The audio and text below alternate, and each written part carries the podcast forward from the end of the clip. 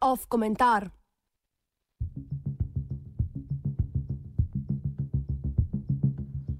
Spomin revolucije.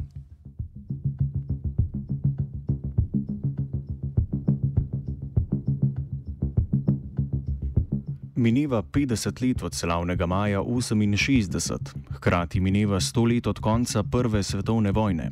Z drugimi besedami, maj 68 je od nas oddaljen toliko, kot je bila Prva svetovna vojna od njegovih udeležencev. Čeprav je vizualni imaginarij teh dogodkov še vedno ohranjen, pa se aktualnost tistega časa ustrajno odmika.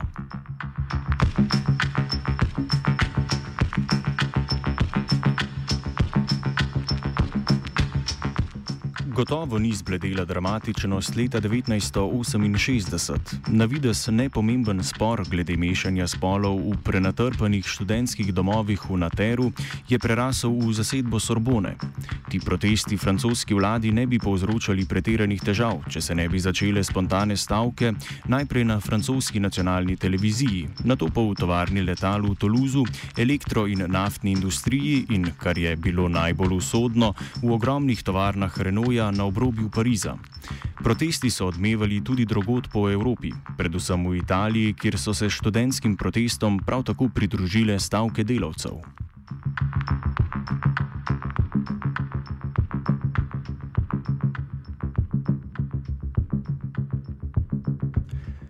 Franciji se je epizoda končala antiklimaktično. Predsednik De Gaulle in premijer Pompidou sta počakala, da so se študentski protesti izpeli. Popustila sta sindikatom, na to pa sklicala parlamentarne volitve, na katerih so golisti dosegli ogromno zmago. A liberalni intelektualec Raymond Aron se je vendarle motil, ko je kmalo potem rekel, da se maja 68 ni nič zgodilo. Psihološki vpliv majskih dogodkov je daleč presegel njihov resnični pomen. To je bila prva revolucija, ki jo je prenašala televizija. To je bila tudi ena prvih lekcij. Prevarantu pomaga, oziroma prevratu pomaga, če protestniki, še posebej njihovi voditelji, dobro izpadejo na televiziji.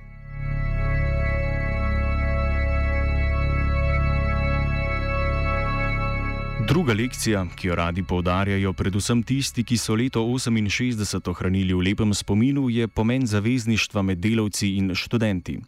Kako trdno in iskreno je bilo to zavezništvo, je precejšnje vprašanje. Res je, da so se delavci pritoževali ne zgolj nad nizkimi plačami, ampak tudi nad delovnimi razmerami, predvsem odnosom nadrejenih in da niso bili pri svojem delu v ničemer udeleženi pri odločitvah. Prav zaradi tega so prav tako hierarhično organizirani sindikati in francoska komunistična partija spregledali kopičenje nezadovoljstva v tovarnah.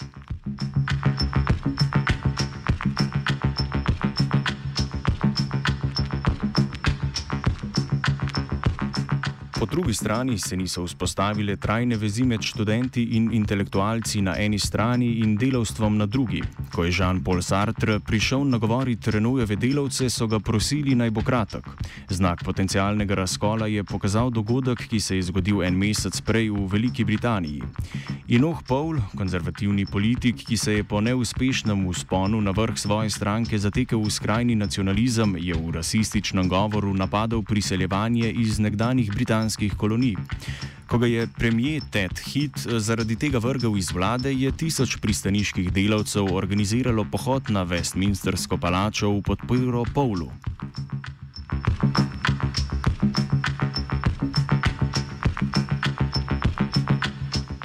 Prej kot zbliževanje pomeni leto 68 moment, ko je levica začela oddaljevati od delavstva. Starejša generacija, ki se je spominjala ostre politične in ekonomske situacije pred drugo svetovno vojno, je sumičavo, če ne že posmehljivo gledala na študente. Georges Marché, šef francoskih komunistov, jih je označil za očkove sinčke. V tem je bilo kar nekaj resnice. Nemalokrat so bili tisti, ki so jih gledali iz malomeščanskih stanovanj, njihovi starši, mlajši bratje in sestre.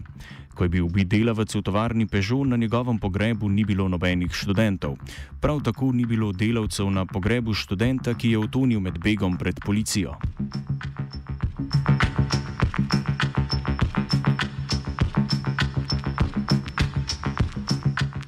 Še pomembnejše je poudarjanje individualnih pravic in izkušenj, kar je bilo v nasprotju s kolektivnim duhom stare levice.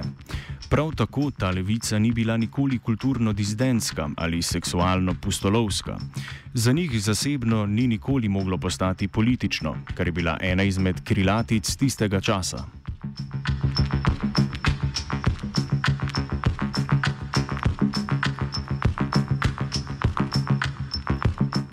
Ni na ključje, da so se ideje in ideali kmalo gladko vključili v kapitalistične okvire. Svobodna izbira je postala temeljna zahteva kapitalizma. Dobro desetletje je Milton Friedman svojo dokumentarno serijo, s katero je na ameriški javni televiziji propagiral neoliberalizem, poimenoval Free to Choose. Svobodno delo je postala zahteva tistih, ki so poskušali razbiti sindikalno organiziranost delavstva.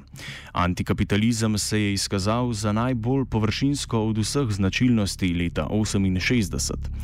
Tiste izmed študentov, ki so ostali politično aktivni v prihodnjih desetletjih, so najbolj pritegnile nove ali reformirane leve stranke.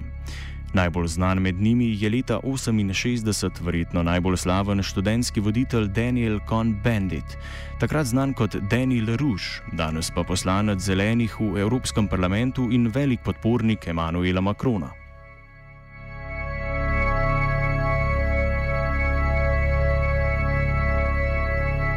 Kljub temu dosežka leta 1968 ne gre zanemarjati. V tistem času so še skoraj vse evropske države poznale smrtno kazen in prepovedovale splav. V zahodni Nemčiji so bile ministerstva in vlade polne nekdanjih članov nacistične stranke, pouk zgodovine pa se je največkrat končal z Versajsko pogodbo.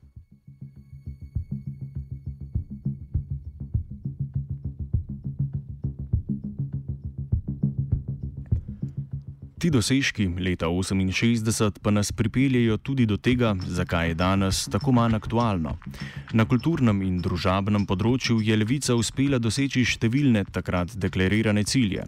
Še posebej v zadnjem desetletju se je nova levica, ki je zrasla v 60-ih in dosegla vrhunec v 90-ih, povsem izpela.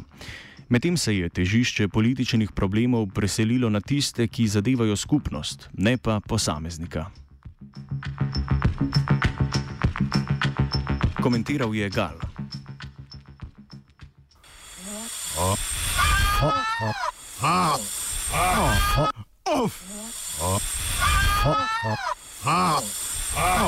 Off komentar. Rado študent je miga.